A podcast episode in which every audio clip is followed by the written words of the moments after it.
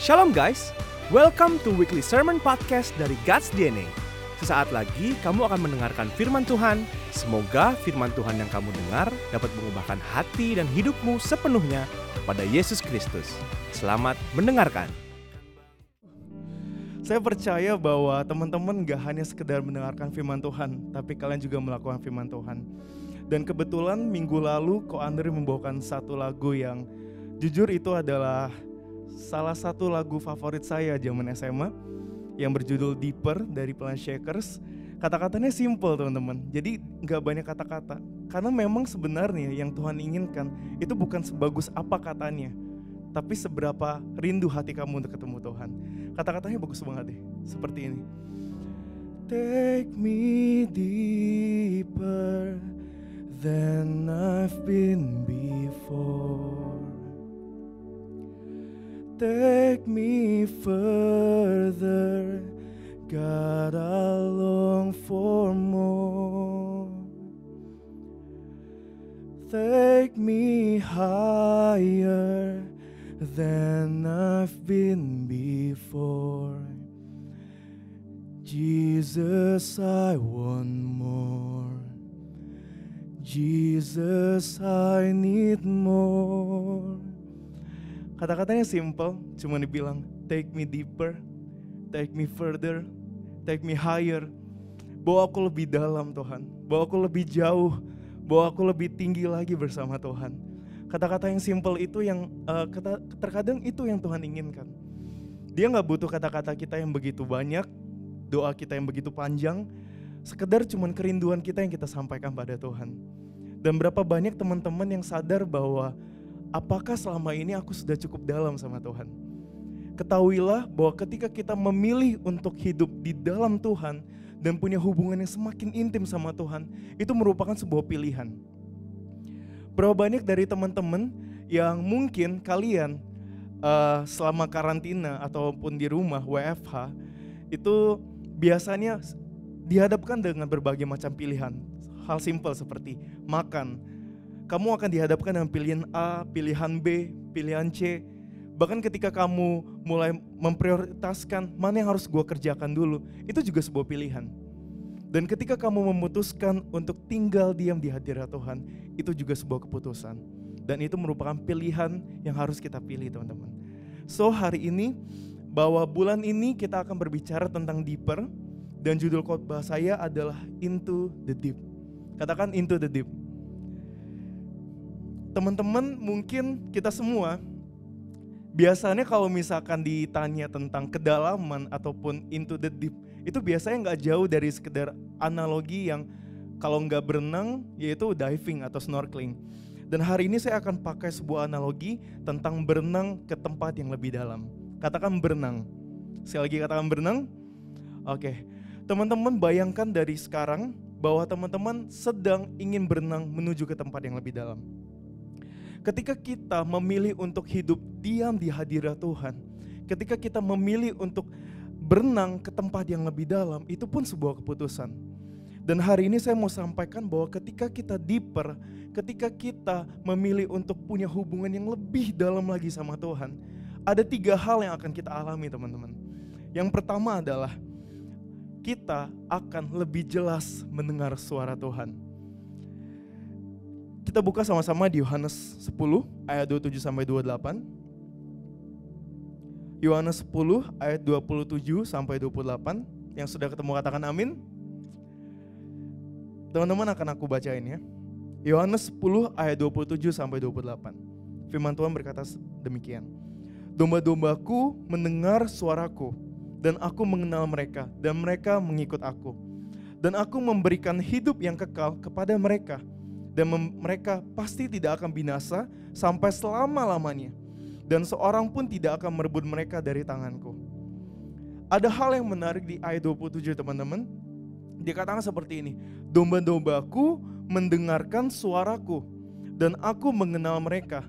Dan mereka mengikut aku ketika kita punya hubungan yang dalam sama Tuhan, ketika kita deeper, ketika kita punya kerinduan, kehausan untuk punya hubungan yang lebih dalam sama Tuhan, hal yang pertama yang harus teman-teman tahu adalah kita memilih untuk meninggalkan permukaan air dan menuju ke air yang lebih dalam.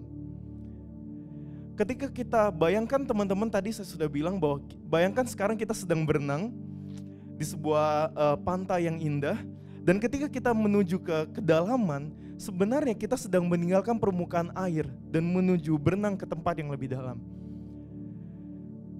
Teman-teman pernah nggak ketika teman-teman sedang berenang, ketika kalian sedang berenang, bayangkan bahwa saat kamu di atas permukaan air, kamu akan cenderung mendengar kebisingan orang-orang sekitar. Kamu cenderung mendengarkan kebisingan dunia yang ada. Kamu mungkin mendengarkan suara angin dan semacamnya. Tapi ketika kalian berenang ke tempat yang lebih dalam, posisi yang akan kalian dengarkan ketika kalian berada di bawah permukaan air laut, kalian akan lebih terasa seperti tenang teman-teman mulai meng, uh, bayangin bahwa ketika kamu sedang berenang ke tempat yang lebih dalam, ketika kamu meninggalkan permukaan air, ketika kamu sedang meninggalkan kebisingan dunia, kamu sebenarnya sedang meninggalkan kebisingan dunia untuk mendengarkan suara Tuhan.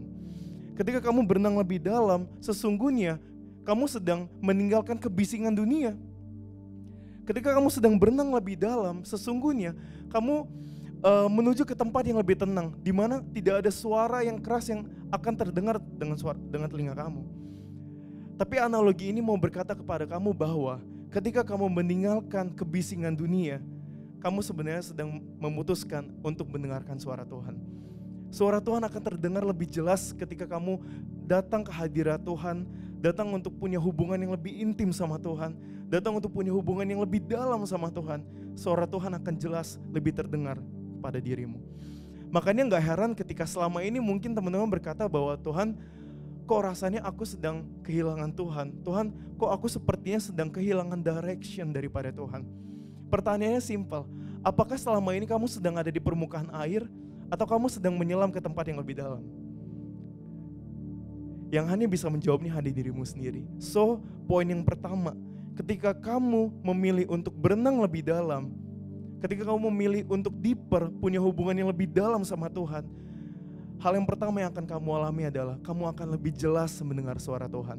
Yang percaya katakan amin. Kamu berikan tepuk tangan yang paling meriah bagi Tuhan Yesus. Wow. Dan hari ini kita belajar bahwa perkataan Tuhan itu jauh lebih penting dibandingkan perkataan dunia. Mungkin teman-teman kita berkata bahwa hidup lu tuh biasa aja hidup lu tuh nggak ada apa-apanya. Hidup lu tuh nggak bisa jadi something. Tapi ketika kalian memutuskan untuk berenang lebih dalam, ketika kalian memutuskan untuk meninggalkan permukaan air dan berenang menuju laut yang lebih dalam, kalian memutuskan untuk punya hubungan yang lebih dalam sama Tuhan, percayalah bahwa dunia, perkataan dunia tidak akan sebanding dengan perkataan Tuhan. Yang kamu hanya dengarkan hanya suara Tuhan, yang kamu dengarkan hanya apa yang Tuhan mau di hidupmu bukan dunia yang katakan pada dirimu. Karena hidupmu ditentukan oleh perkataan Tuhan, bukan perkataan dunia ini. So, kalau kamu ingin mendengar suara Tuhan lebih jelas hari ini, pastikan bahwa kamu sedang menyelam lebih dalam lagi. Jangan puas hanya sampai uh, hanya sampai di permukaan air, teman-teman. Kamu harus berenang lebih dalam. Temukan Tuhan lebih lagi. Ketika kamu punya hubungan yang intim sama Tuhan, kamu tahu ke mana kamu harus melangkah. Ketika kamu tahu kamu punya hubungan yang intim sama Tuhan, kamu punya hubungan yang sangat dalam sama Tuhan. Sesungguhnya kamu akan tahu purpose hidup kamu apa. Sehingga kamu tidak menjadi anak muda yang biasa-biasa aja. Kamu tidak menjadi pribadi yang biasa-biasa aja. Tapi kamu menjadi pribadi yang tahu purpose dan juga panggilan Tuhan dalam hidupmu. Karena kamu memutuskan untuk berenang lebih dalam. Katakan amin. Dan hari ini firman Tuhan katakan di ayat 27 karena seperti ini. Domba-dombaku mendengarkan suaraku dan aku mengenal mereka dan mereka mengikut aku. Teman-teman harus paham bahwa kita itu adalah domba-dombanya dan gembalanya itu adalah Tuhan. Jadi sebelum kita mengikut Tuhan, ini sebenarnya step teman-teman. Dari kita mendengar, kemudian Tuhan mulai mengenal kita dan kita mengenal Tuhan lebih lagi. Dan kemudian kita akan menuju kepada mengikut Tuhan. So, mustahil kamu mengikut Tuhan kalau kamu tidak mendengarkan suara Tuhan. Ketika kamu memutuskan untuk mendengarkan suara Tuhan, ketika kamu tahu, oke okay, Tuhan, ini suara Tuhan. Ketika kamu baca firman Tuhan dan Tuhan mulai menjawab segala pergumulanmu, Kamu tahu apa yang akan kamu lakukan, kemudian kamu akan mengenal Tuhan lebih lagi. Mungkin gini teman-teman, mungkin selama ini hanya Tuhan, dari sisi Tuhan yang mengenal dirimu.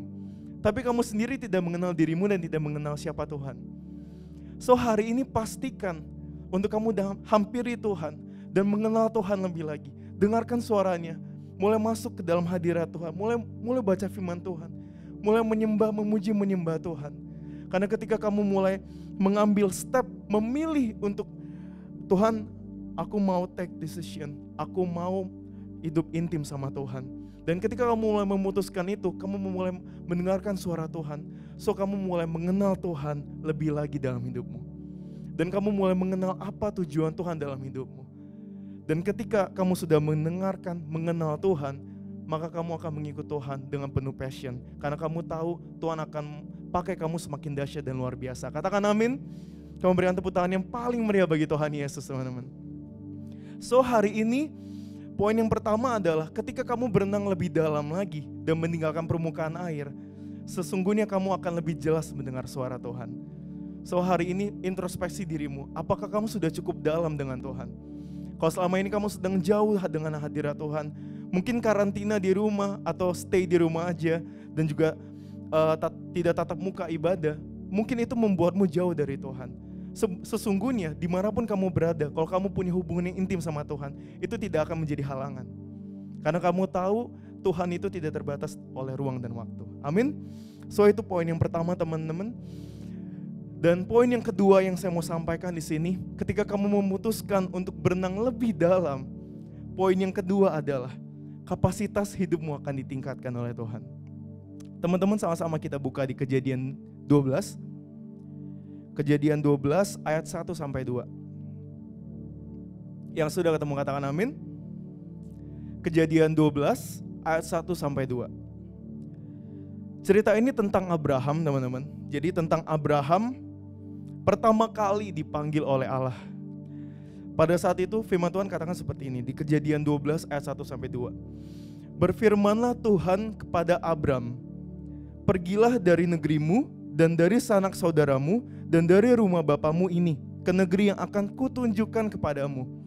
Aku akan membuat engkau menjadi bangsa yang besar dan memberkati engkau serta membuat namamu masyur dan engkau akan menjadi berkat.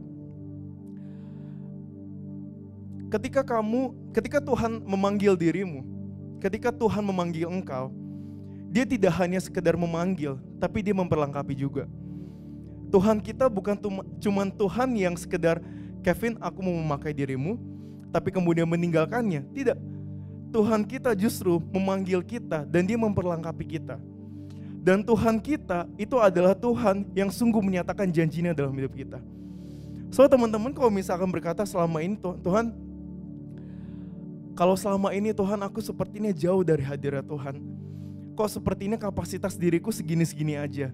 Mulai introspeksi dirimu. Apakah kamu sudah lebih dalam dengan Tuhan?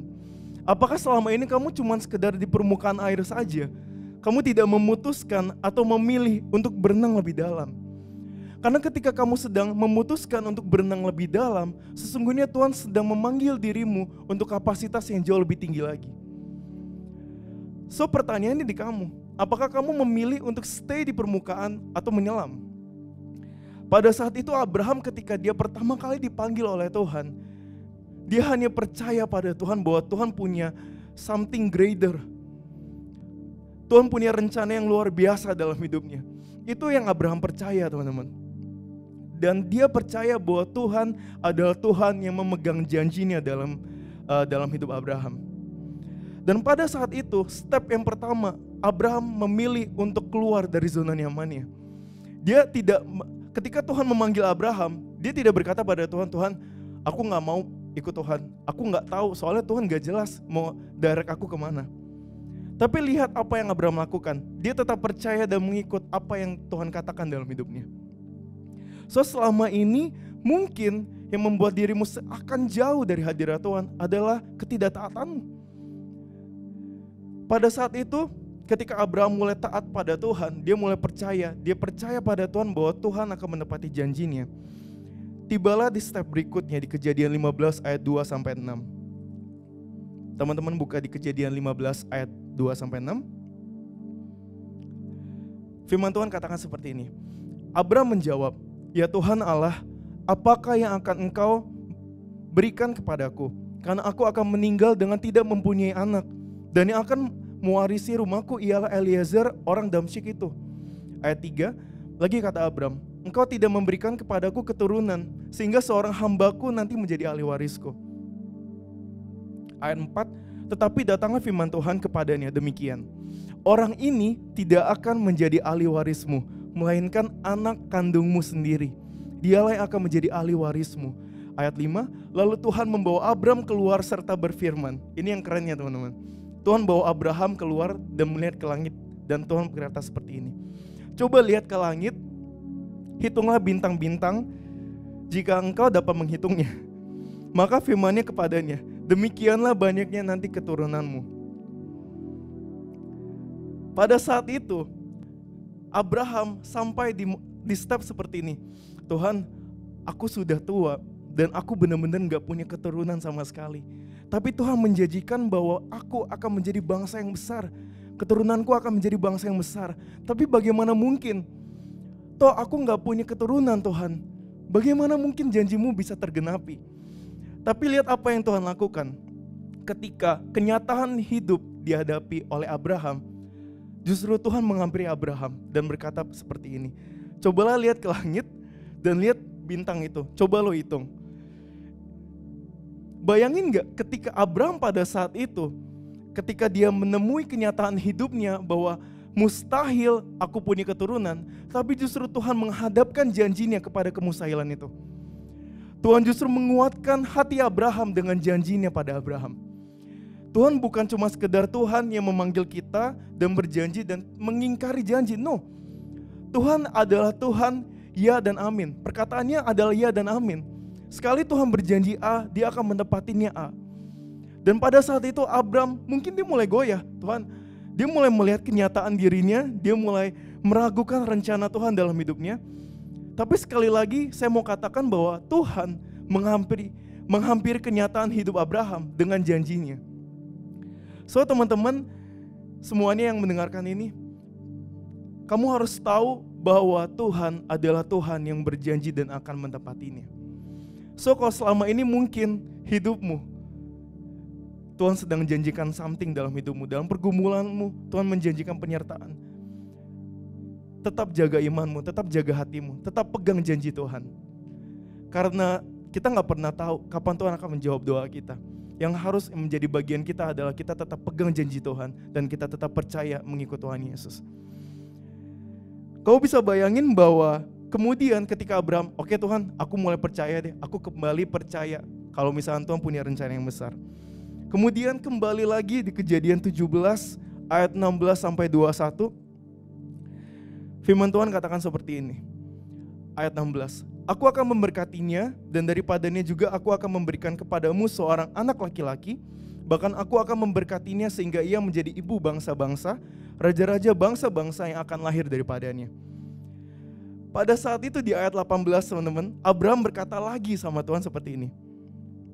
Dan Abraham berkata kepada Allah, Ah, sekiranya Ismail diperkenankan hidup di hadapanmu. Dalam bahasa gamblangnya gini teman-teman ya udahlah Tuhan, Ismail aja lah yang jadi penerusnya. Aku ini udah tua Tuhan. Udahlah Ismail aja, seakan seperti itu Abraham bilang. Dan ayat 19, kembali Tuhan menguatkan hati Abraham. Firman Tuhan katakan seperti ini. Tetapi Allah berfirman, tidak melainkan istrimu Saralah yang akan melahirkan anak laki-laki bagimu.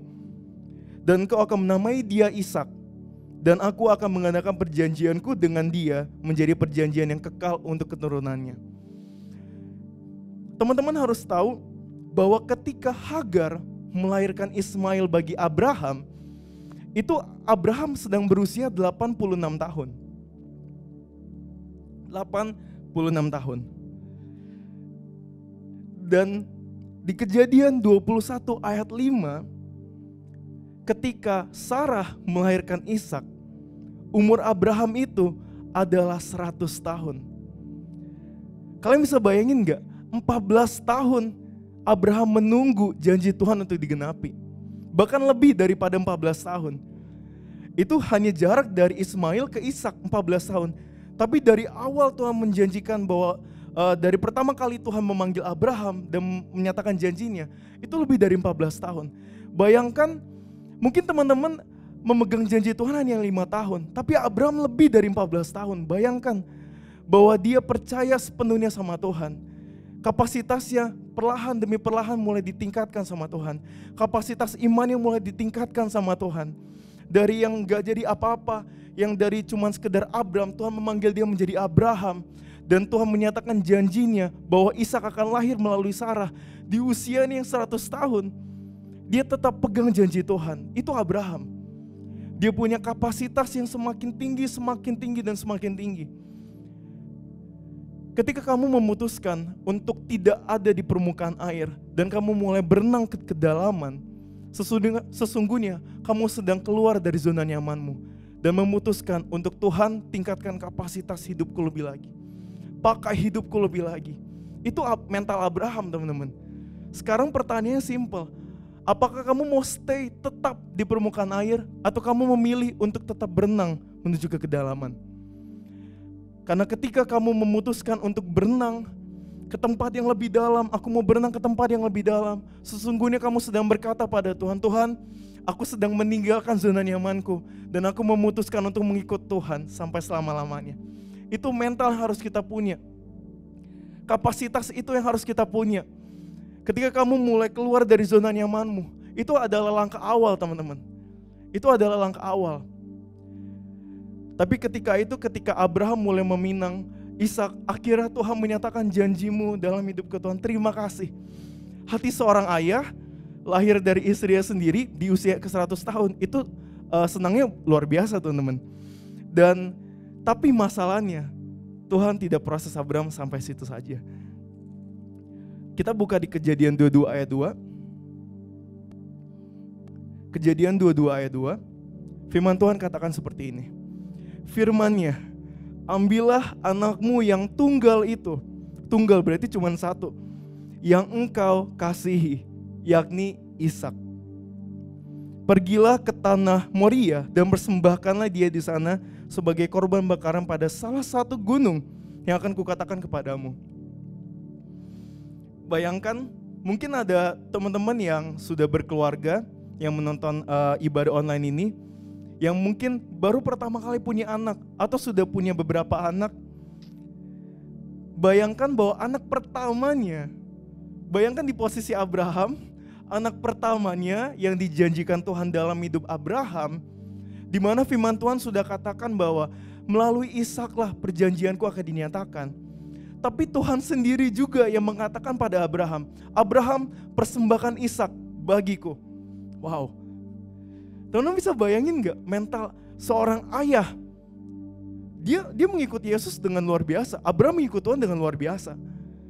Tapi dia juga seorang ayah yang luar biasa. Dia menunggu janji Tuhan tergenapi dalam hidupnya.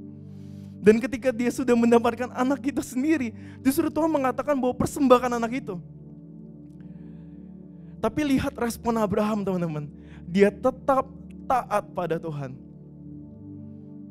So hari ini yang saya mau sampaikan di sini adalah ketaatanmu akan membawa kamu kepada kapasitasmu yang lebih tinggi lagi.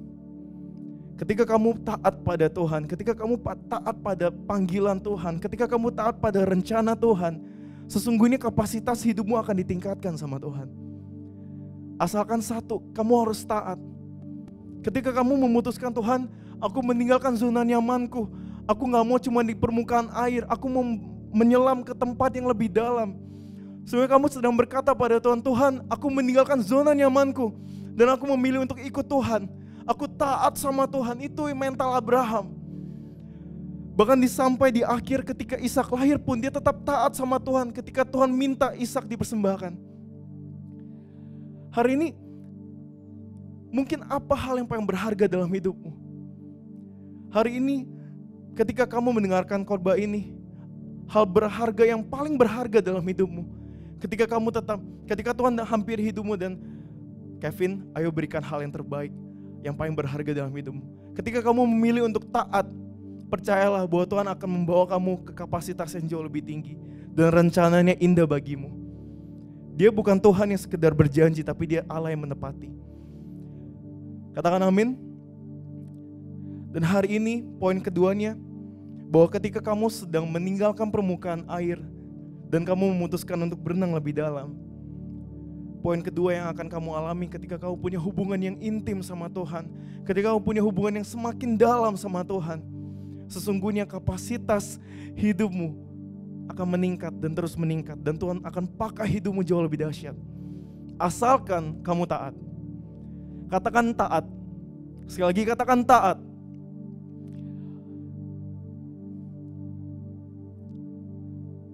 Zona nyaman juga berarti menyerah pada keadaan.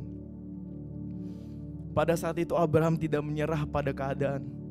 Justru dia menyerahkan keadaannya pada Tuhan dia dia berkata pada Tuhan bahwa Tuhan zona nyamanku tuh tidak lebih berharga loh dibanding rencana Tuhan. Itu yang Abraham katakan pada Tuhan. Dan apakah mentalmu, sifatmu, hatimu seperti itu? Dan saya berdoa semua yang mendengarkan firman Tuhan ini memutuskan untuk memberikan segala hal yang terbaik bagi Tuhan dan meninggalkan zona nyamannya hanya untuk mengikut Tuhan dan menaati perintah Tuhan. Katakan amin. Kau berikan tepuk tangan yang paling meriah bagi Tuhan Yesus. Dan teman-teman, ketika kamu memutuskan untuk berenang lebih dalam, kamu gak hanya stay di permukaan air, tapi kamu memutuskan untuk berenang lebih dalam. Ada hal ketiga yang akan kamu alami, yaitu kamu akan kuat di dalam tekanan. Saya kutip dari um, satu website di National Oceanic and Atmospheric uh, Administration atau NOAA, US Department of Commercial. Ini sebuah organisasi di US yang berhubungan tentang kelautan. Mereka mengatakan seperti yang saya kutip. The, deep, the deeper you go under the sea, the greater the pressure of the water. For every 33 feet or 10 meters you go down, the pressure increases by one atmosphere. Kutipan ini berkata bahwa ketika kamu sedang menyelam ke tempat yang lebih dalam, tekanan justru akan semakin meningkat. Ketika kamu menyelam ke tempat yang lebih dalam, ketika kamu memutuskan untuk meninggalkan permukaan air dan kamu memutuskan untuk berenang ke tempat yang lebih dalam, sesungguhnya tekanan akan semakin meningkat juga. Dan ketika kamu punya hubungan yang intim sama Tuhan, Ketika kamu punya hubungan yang sangat dekat, yang sangat dalam dengan Tuhan, tekanan apa pun di hidupmu tidak akan menggoyahkan hidupmu. Karena kamu punya Tuhan yang selalu menyertai hidupmu. Pertanyaannya simple. Apakah ketika tekanan mulai datang, tekanan kekhawatiran, kekecewaan, mungkin uh, gunda gulana pergumulan menghampiri kamu, kenyataan dunia seakan menyakitkan hidupmu, Apakah kamu berhenti menyelam atau tidak? Ketika tekanan, ketika kamu mulai berenang ke tempat yang lebih dalam, Tuhan aku berenang, aku berenang, aku berenang. Dan kemudian tekanan lebih dahsyat lagi meningkat, meningkat dan meningkat. Apakah ketika itu kamu memutuskan untuk menyerah atau tetap berenang ke tempat yang lebih dalam? Percayalah bahwa ketika kamu memutuskan untuk tetap berenang ke tempat yang lebih dalam, Ketika kamu memutuskan untuk tetap berenang, kamu mau lebih dalam Tuhan, aku mau lebih dalam mengikut Tuhan, aku mau lebih dalam lagi punya hubungan sama Tuhan. Tekanan di hidupku tidak sebanding dengan engkau. Ketika kamu melakukan hal tersebut, percayalah bahwa Tuhan akan terus menyertai hidupmu dan Tuhan akan bawa kamu semakin naik dan bukan turun. Pertanyaannya simple, apakah kamu menyerah atau tetap berenang? Apakah kamu menyerah dengan tekanan yang ada atau kamu justru memilih untuk tetap berenang melewati setiap tekanan itu? Firman Tuhan di Matius 16 ayat 24 dikatakan seperti ini. Kita buka sama-sama teman-teman. Matius 16 Matius 16 ayat 24. Saya bacakan. Lalu Yesus berkata kepada murid-muridnya, setiap orang yang mau mengikut aku, ia harus menyangkal dirinya, memikul salibnya dan mengikut aku. So, Tuhan tidak pernah menjanjikan bahwa mengikut dia Tuhan tidak pernah menjanjikan kenyamanan. Justru Tuhan mengatakan melalui firman-Nya, ketika kamu mau mengikut aku, kamu harus pikul salib, sangkal diri, dan baru kamu mengikut aku. Ketika kamu ada di dalam hadirat Tuhan, mungkin dunia itu tidak berubah, tapi responmu yang berubah terhadap dunia ini. Ketika kamu memutuskan untuk tetap berenang ke tempat yang lebih dalam, apa pun tekanan yang ada, itu namanya pikul salib, itu namanya pesangkal diri.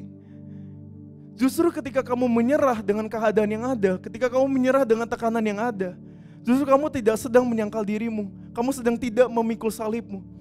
Tapi ketika kamu memilih untuk tetap berenang, apa pun tekanannya semakin besar, ketika kamu semakin dalam tekanan semakin besar pun, kamu tetap memilih untuk berenang. Itu namanya kamu sedang menyangkal dirimu dan pikul salib. Dan ketika kamu memutuskan untuk pikul salib dan sangkal diri, itu baru kamu mengikut Tuhan. So hari ini pertanyaannya simple. Apakah kamu menyangkal dirimu? Apakah kamu memikul salib Tuhan? Atau tidak? It's your choice. Apakah kamu memilih untuk menyerah atau tetap berenang itu pilihanmu juga. Tapi saya berdoa biar setiap yang mendengarkan tetap berenang dan tidak menyerah. Dia tetap berenang ke tempat yang lebih dalam dan tidak menyerah dengan tekanan yang ada. Karena Tuhan tidak pernah menjanjikan kenyamanan yang dia janjikan itu adalah penyertaan. Tuhan gak pernah berkata bahwa mengikut aku akan kamu akan terus nyaman, kamu akan terus kaya, kamu akan terus kaya, kamu akan makan enak. Tuhan tidak pernah menjanjikan kenyamanan tersebut. Yang Tuhan janjikan adalah penyertaan. Ketika kamu memilih untuk tetap berjalan, kamu tetap mem, kamu memilih untuk tetap berenang ke dalam, walaupun tekanannya begitu besar, Justru yang Tuhan janjikan ada penyertaan sehingga kamu tidak takut menghadapi tekanan tersebut. So hari ini ketika kamu semakin dalam, ketika kamu sedang meninggalkan permukaan air dan kamu memutuskan untuk berenang menyelam ke tempat yang lebih dalam. Sungguh kamu akan tahu bahwa kamu akan semakin kuat dalam setiap tekanan yang ada. Karena kamu tahu siapa yang menyertai hidupmu yaitu Tuhan Yesus sendiri. Katakan amin. Jadi itu tiga hal teman-teman yang kita akan alami ketika kita punya hubungan yang sangat intim sama Tuhan. Tapi pertanyaannya simple. Bagaimana bisa kita punya hubungan yang semakin dalam dengan Tuhan? Untuk kita bisa mengalami tiga hal tersebut, untuk kita bisa punya hubungan yang semakin dalam dengan Tuhan, ada satu syarat yang harus kita lakukan yaitu hidup kita harus terus didasari dengan kasih mula-mula, bukan dengan dosa.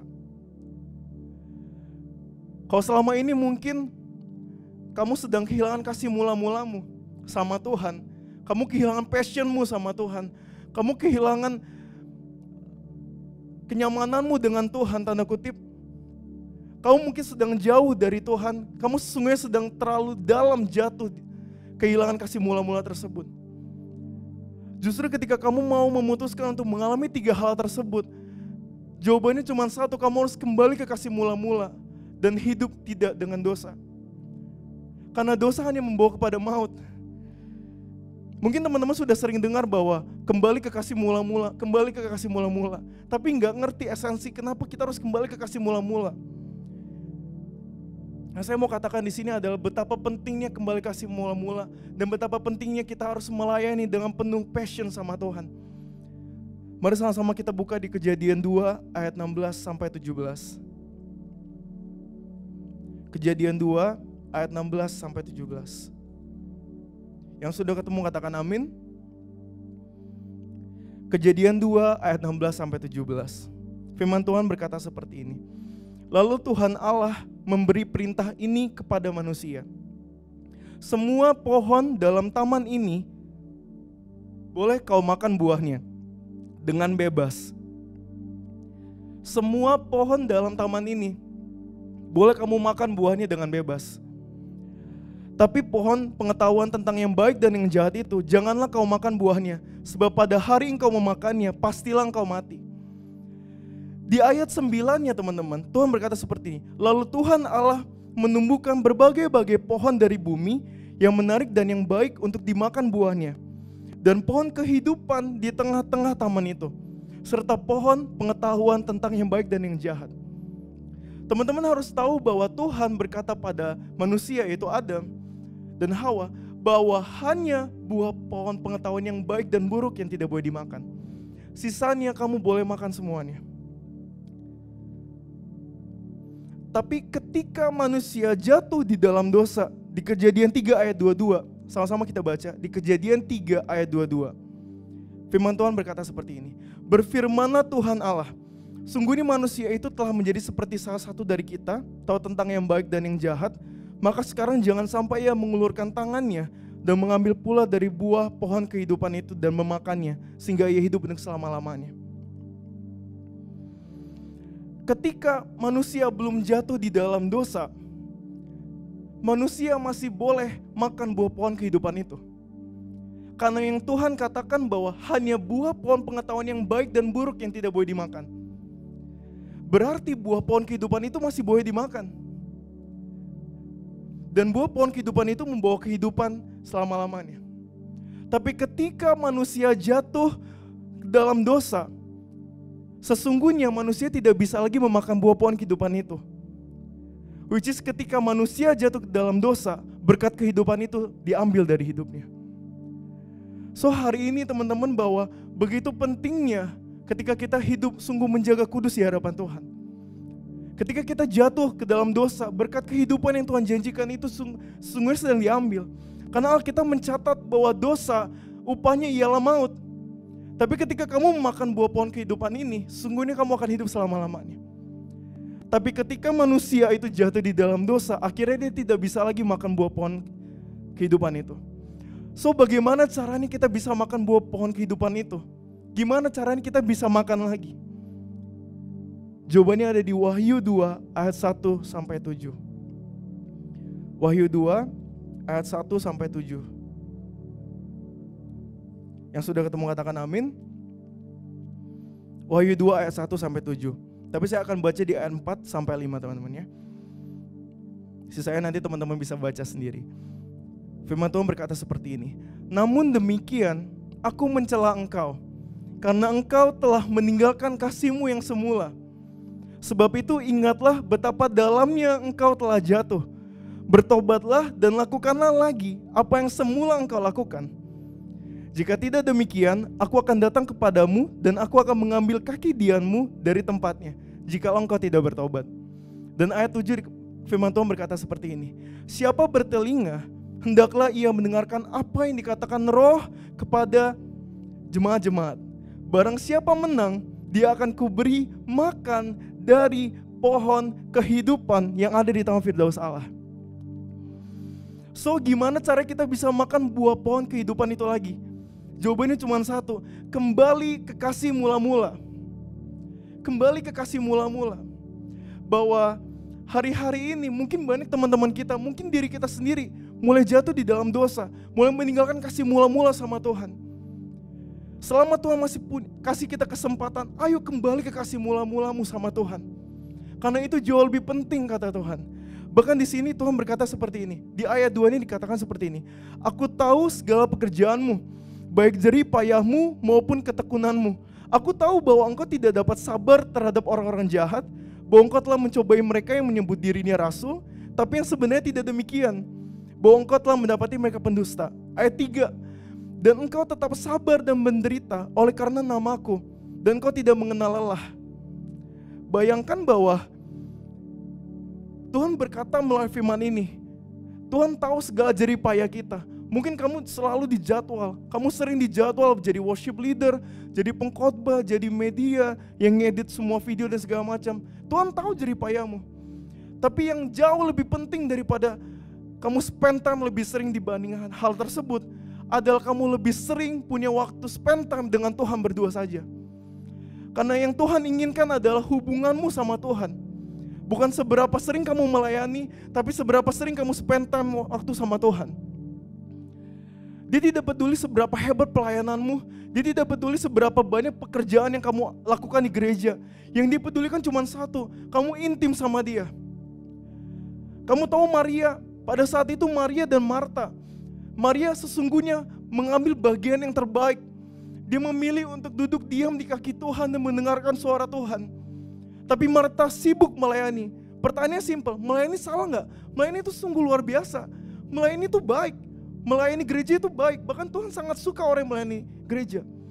Tapi jauh lebih penting yang Tuhan inginkan adalah hubunganmu sama Tuhan. Karena Maria tahu mindset itu, makanya dia memilih untuk duduk diam di kaki Tuhan. Karena itu jauh lebih penting dari semua pelayanan yang dia punya. Dia bisa saja melayani Tuhan dengan Marta bersama-sama memberikan makanan yang terbaik bagi Tuhan. Tapi pada saat itu Maria tahu, oh Tuhan, aku tahu Tuhan mau aku duduk diam di kaki Tuhan. So itu yang aku lakukan. Ketika kamu tahu isi hati Tuhan, ketika kamu tahu apa yang Tuhan rindukan, sesungguhnya kamu tahu apa yang Tuhan suka, maka Tuhan akan berkenan dalam hidupmu. So, hari ini teman-teman, kembali ke kasih mula-mulamu sama Tuhan. Karena itulah yang akan membuat kamu akhirnya bisa mencicipi kembali buah pohon kehidupan itu. Yang tadinya pada saat Adam dan Hawa, mereka jatuh di dalam dosa. Yang tadinya mereka bisa mencicipi buah pohon kehidupan itu tapi akhirnya mereka tidak bisa lagi mencicipinya karena mereka jatuh dalam dosa. Tapi ketika kamu lepaskan dosa hidupmu dan kembali ke kasih mula-mula, kamu sesungguhnya boleh kembali memakan buah pohon kehidupan itu dan kamu hidup selama-lamanya bersama Tuhan. Katakan amin. Kau berikan tepuk tangan yang paling meriah bagi Tuhan Yesus teman-teman. Pada saat itu Daud pun berkata hal yang sama sama Tuhan. Kalau kamu baca di Mazmur 5 ayat 4, Daud berkata pada Tuhan seperti ini, Tuhan, aku nggak sabar menantikan pagi. Aku nggak sabar untuk mempersembahkan korban syukur, korban bakaran di hadapanmu. Karena itu yang jauh lebih penting teman-teman. Daud tidak berkata pada Tuhan bahwa Tuhan, aku nggak sabar untuk perang besok. Daud tidak berkata pada Tuhan, Tuhan, aku nggak sabar untuk kemenangan besok yang Tuhan kasih kepadaku. Daud tidak berkata pada Tuhan, Tuhan, aku nggak sabar mendengar pujian dari semua prajuritku bahwa aku adalah pemimpin yang luar biasa. Bukan. Yang Tuhan, yang Daud rindukan, yang dia rindukan justru bukan hal tersebut. Yang Daud rindukan adalah dia sungguh mau mempersembahkan korban bakaran pada Tuhan. Lihat mental Daud. Dari setiap kemenangan yang dia punya, yang dia suka, yang dia rindukan, yang dia prioritaskan pertama, bukanlah kemenangan tersebut, tapi hubungannya sama Tuhan. So hari ini introspeksi dirimu. Apakah selama ini kamu sedang jauh dari Tuhan? Apakah kamu punya mindset yang salah? Apakah kamu tidak mementingkan hubunganmu sama Tuhan? Karena Daud berkata di Mazmur 5 ayat 4, dia lebih mementingkan korban bakaran yang disiapkan pagi-pagi untuk Tuhan. Dia tidak berkata pada Tuhan, Tuhan aku ini orang yang luar biasa. Tuhan aku ini gak sabar untuk perang besok. No, no. Yang dia prioritaskan pertama, yang dia pikirkan pertama ketika dia mau tidur dan dia mau bangun nanti pagi ini adalah dia mau mempersembahkan korban bakaran bagi Tuhan yang terbaik. So lihat mental-mental tokoh Alkitab ini teman-teman. Apakah kamu punya mental yang sama? Apakah selama ini kamu punya hal yang sama? Apakah hatimu masih bergetar ketika pujian penyembahan mulai dinaikkan? Apakah hatimu masih passion ketika firman Tuhan mulai dibagikan? Itu semua pilihanmu. Dan saya berdoa biar setiap kamu yang mendengar firman Tuhan ini, kau memutuskan untuk punya passion dan kembali ke kasih mula-mula sama Tuhan. Katakan amin. Kamu memberikan tepuk tangan yang paling meriah bagi Tuhan Yesus. Dan di ayat yang terakhir teman-teman, di 2 Korintus 3 ayat 18 dikatakan seperti ini. Teman-teman buka di 2 Korintus 3 ayat 18. 2 Korintus 3 ayat 18 yang sudah ketemu katakan amin. 2 Korintus 3 ayat 18. Ini ayat terakhir teman-teman. Firman Tuhan katakan seperti ini. Dan kita semua mencerminkan kemuliaan Tuhan dengan muka yang tidak berselubung. Dan karena kemuliaan itu datangnya dari Tuhan yang adalah roh, maka kita diubah menjadi serupa dengan gambarnya dalam kemuliaan yang semakin besar. Saya ulang sekali lagi, dan kita semua mencerminkan kemuliaan Tuhan dengan muka yang tidak berselubung. Dan karena kemuliaan itu datangnya dari Tuhan yang adalah roh, maka kita diubah menjadi serupa dengan segambarnya dalam kemuliaan yang semakin besar. Katakan amin. tujuan hidup kita yang Tuhan inginkan adalah ini. Serupa dan segambar dengannya. Percuma ketika kita Wahyu tadi, Wahyu 2 ayat 2 berkata bahwa Tuhan tahu jeripayahmu. Tapi kamu kalau kamu terlalu sering fokus kepada pelayanannya, bukan pada hubunganmu sama Tuhan, kamu justru tidak akan mencapai tahap ini. Tujuan akhir hidup kita adalah kita semakin serupa dan segambar dengan Tuhan. Semakin hari, semakin hari, dari Senin, Selasa, Rabu, Kamis, Jumat, Sabtu, Minggu, kita semakin serupa dan segambar dengan Tuhan. Kita mencerminkan kemuliaan Tuhan. Sehingga setiap orang yang melihat kita, mereka melihat Yesus. Tapi masalahnya untuk sampai ke tahap ini teman-teman, kita harus lepaskan dulu ikatan dosa tadi. Kembali ke analogi kita yang tadi bahwa ketika kita berenang lebih dalam, ketika kita meninggalkan permukaan air dan memutuskan untuk menyelam ke tempat yang lebih dalam. Ketika kamu bayangkan kamu sedang di perahu, tapi kakimu sedang diikat sama tali. Dan tali itu bicara tentang dosa. Ketika kamu masih terikat dengan dosa, percayalah kamu tidak akan pernah bisa sampai ke titik yang lebih dalam. So pertama ketika kamu memutuskan untuk semakin dalam dalam Tuhan, kamu mau punya hubungannya semakin intim sama Tuhan, kamu harus lepaskan dulu ikatan dosamu supaya kamu bisa berenang lebih dalam. Supaya kamu nggak cuma sekedar di permukaan air, tapi kamu menyelam sampai ke dalam, sampai ke dalam, sampai ke dalam. Kamu akan, kamu nggak akan pernah berhenti apa pun tekanan dalam hidupmu, kamu nggak akan pernah berhenti, karena kamu tahu tujuan Tuhan dalam hidup. So yang pertama yang harus kamu lakukan adalah lepaskan ikatan dosamu dan kembali ke kasih mula-mula. Maka kamu akan bisa berenang lebih dalam lagi dan kamu akan sampai di tujuan akhir, kamu akan semakin serupa dan segambar dengan Allah. Dan kamu akan mencerminkan kemuliaan Tuhan dalam kehidupanmu. So hari ini teman-teman mungkin selama ini kamu berkata pada Tuhan, Tuhan aku udah ber, melayani Tuhan bertahun-tahun. Tapi kenapa hari-hari ini aku sedang kehilangan passion itu? Pertanyaan yang simpel, apakah kamu masih punya kasih mula-mula itu? Kalau kamu mungkin kehilangan kasih mula-mula itu, Tuhan berkata, Alkitab berkata bahwa kamu sedang jatuh terlalu dalam. Tapi ketika kamu kembali ke kasih mula-mula sama Tuhan, sehingga kamu sedang merestore ulang hatimu. Dan kamu mulai masuk ke dalam Tuhan yang lebih dalam lagi. Kamu mulai masuk ke dalam hadirat Tuhan yang lebih dalam lagi. So hari ini mulai perhatikan hatimu. Perhatikan pikiran, perhatikan hidupmu. Karena Tuhan sudah gak sabar untuk memakai hidupmu jauh lebih dahsyat daripada sebelumnya. Hari ini yang percaya bahwa Tuhan sanggup memakai hidupmu dan mau hidup intim sama Tuhan, boleh lambaikan tanganmu. Kau berikan tepuk tangan yang paling meriah bagi Tuhan Yesus, teman-teman. Terima kasih telah mendengarkan Weekly Sermon Podcast dari God's DNA. Benih firman Tuhan yang ditanam tidak akan pernah sia-sia dalam kehidupanmu. Sampai bertemu di Weekly Sermon Podcast berikutnya. Tuhan Yesus memberkati.